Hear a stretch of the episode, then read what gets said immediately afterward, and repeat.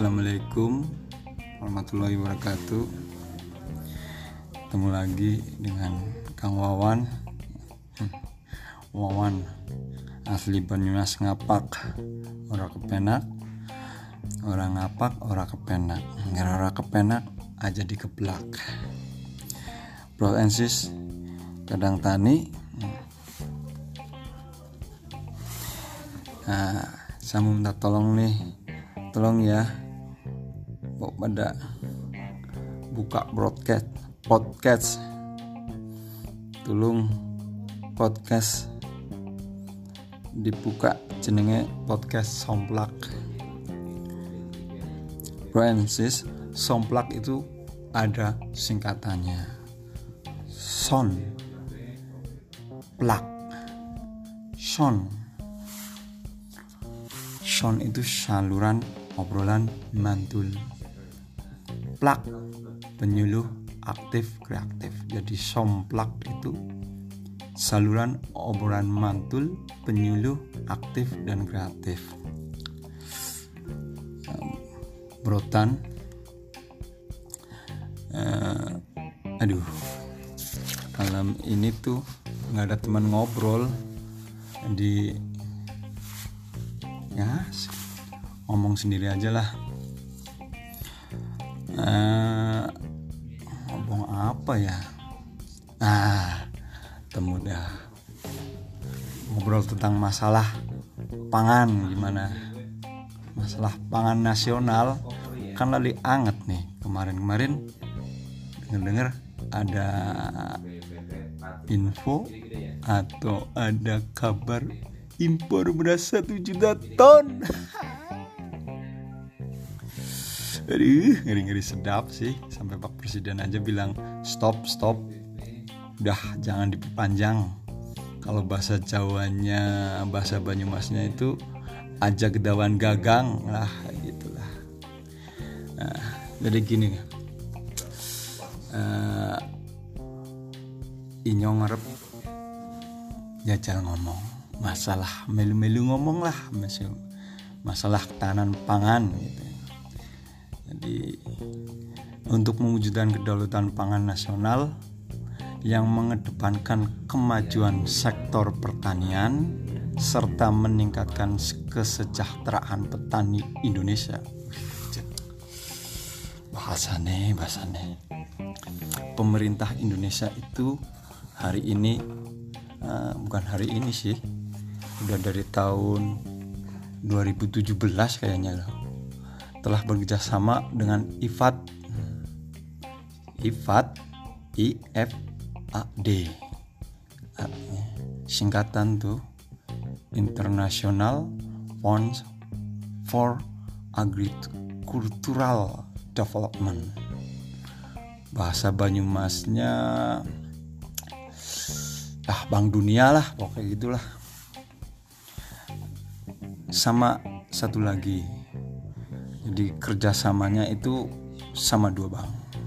Pertama bank IFAT yang kedua bank ABDB ADB ADB ya, ya. Asia Development Bank. Atau Bank Asia lah mungkin kayak gitu mungkin lah judulnya. Lah dua bank itu mendukung program pengembangan dan manajemen irigasi partisipatif terintegrasi. Itu. Nah sudah ada itu.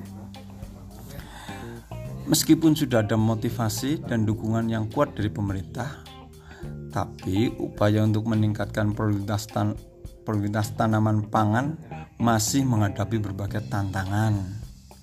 Banyak tantangannya untuk uh, ini untuk meningkatkan produktivitas tanaman pangan di Indonesia.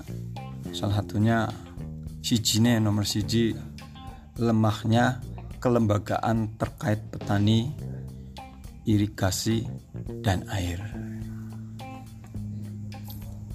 Yang kedua, kurangnya sistem irigasi. Itu tantangannya. Tantangan yang ketiga, memelihara sistem irigasi tidak memadai. Terus tantangan yang keempat jumlah penyuluh pertanian yang terampil terbatas jumlahnya. Tantangan lanjutnya kurangnya akses petani kecil terhadap pelayanan keuangan. Terus yang keenam hambatan sertifikat atau kepemilikan tanah. Nah, yang ketujuh, kesenjangan teknologi pertanian. Dan yang terakhir nih, kayaknya sih yang terakhir, terbatasnya upaya promosi komunitas pertanian bernilai tinggi. Nah, ini tugasnya anak-anak minimal min minimal apa ya? Apa sih? Milenial apa mas? Milenial. Anak-anak sekarang itu untuk promosikan komunitas pertanian. Nah, itu tantangan.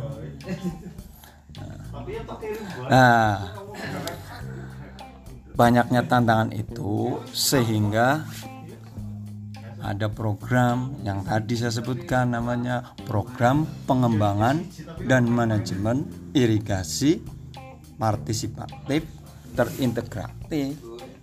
Bahasa Indonesia-nya bahasa Indonesia-nya itu kalau bahasa Inggrisnya integrate party participatif participatory development and management of irigasi program.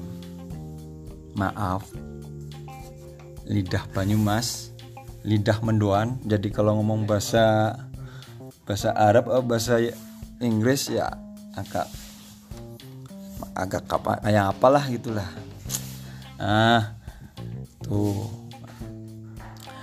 Dari hal tantangan yang tadi makanya ya ada itu tadi program IPDM IP nah, jadi ada lah. Yang mendasari program IPDM IP itu apa aja? Kurang lebih ada tiga sih satu, meningkatkan produksi pertanian dalam mencapai ketahanan pangan.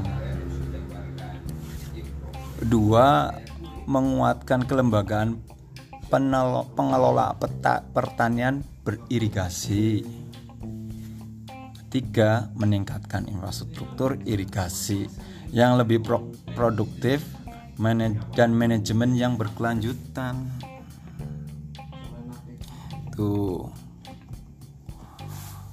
Makanya program IPDM-IP dirancang untuk mengatasi berbagai kendala dalam meningkatkan produktivitas pertanian serta mengurangi kemiskinan di desa.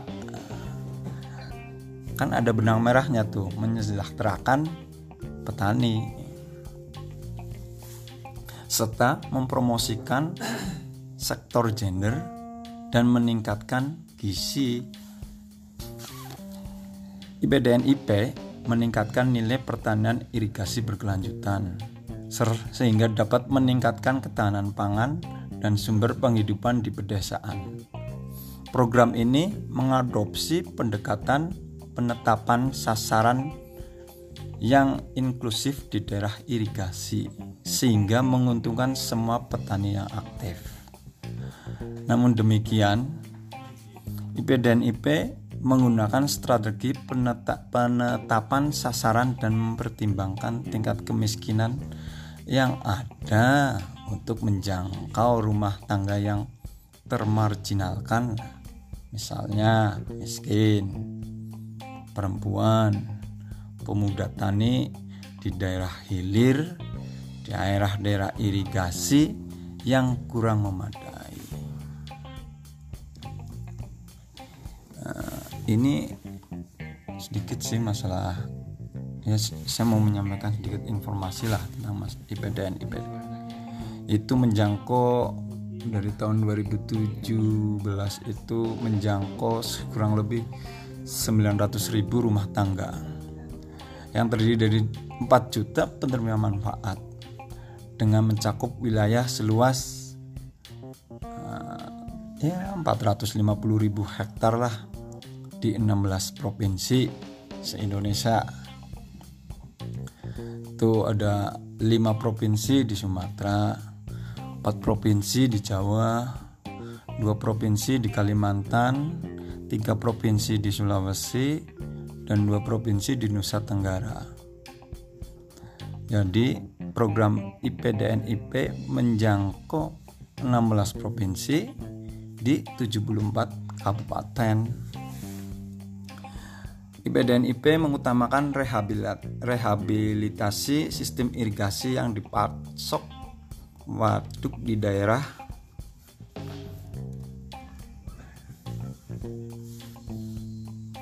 itu. Ya yang selama ini mendapat bantuan program pelaksanaan program IPDN-IP pada tahun 2017 dan akan selesai pada tahun 2022 eh, program ini terdiri atas empat komponen. Komponen pertama penguatan kerangka kerja kebijakan dan kelembagaan untuk petani irigasi. Komponen yang kedua perbaikan pengelolaan sistem irigasi Komponen yang ketiga, perbaikan infrastruktur irigasi. Sedangkan komponen yang keempat, nah ini peningkatan pendapatan pet, pertanian irigasi. Salah satunya pertanian padi. Uh, salah satu kegiatan di IP dan IP itu sekolah lapang. Makanya tadi sekolah lapang itu termasuk dalam komponen yang keempat yaitu peningkatan pendapatan pertanian irigasi. Makanya tadi di khususnya di daerah saya yaitu daerah Banyumas itu ada sekolah lapang IPDN IP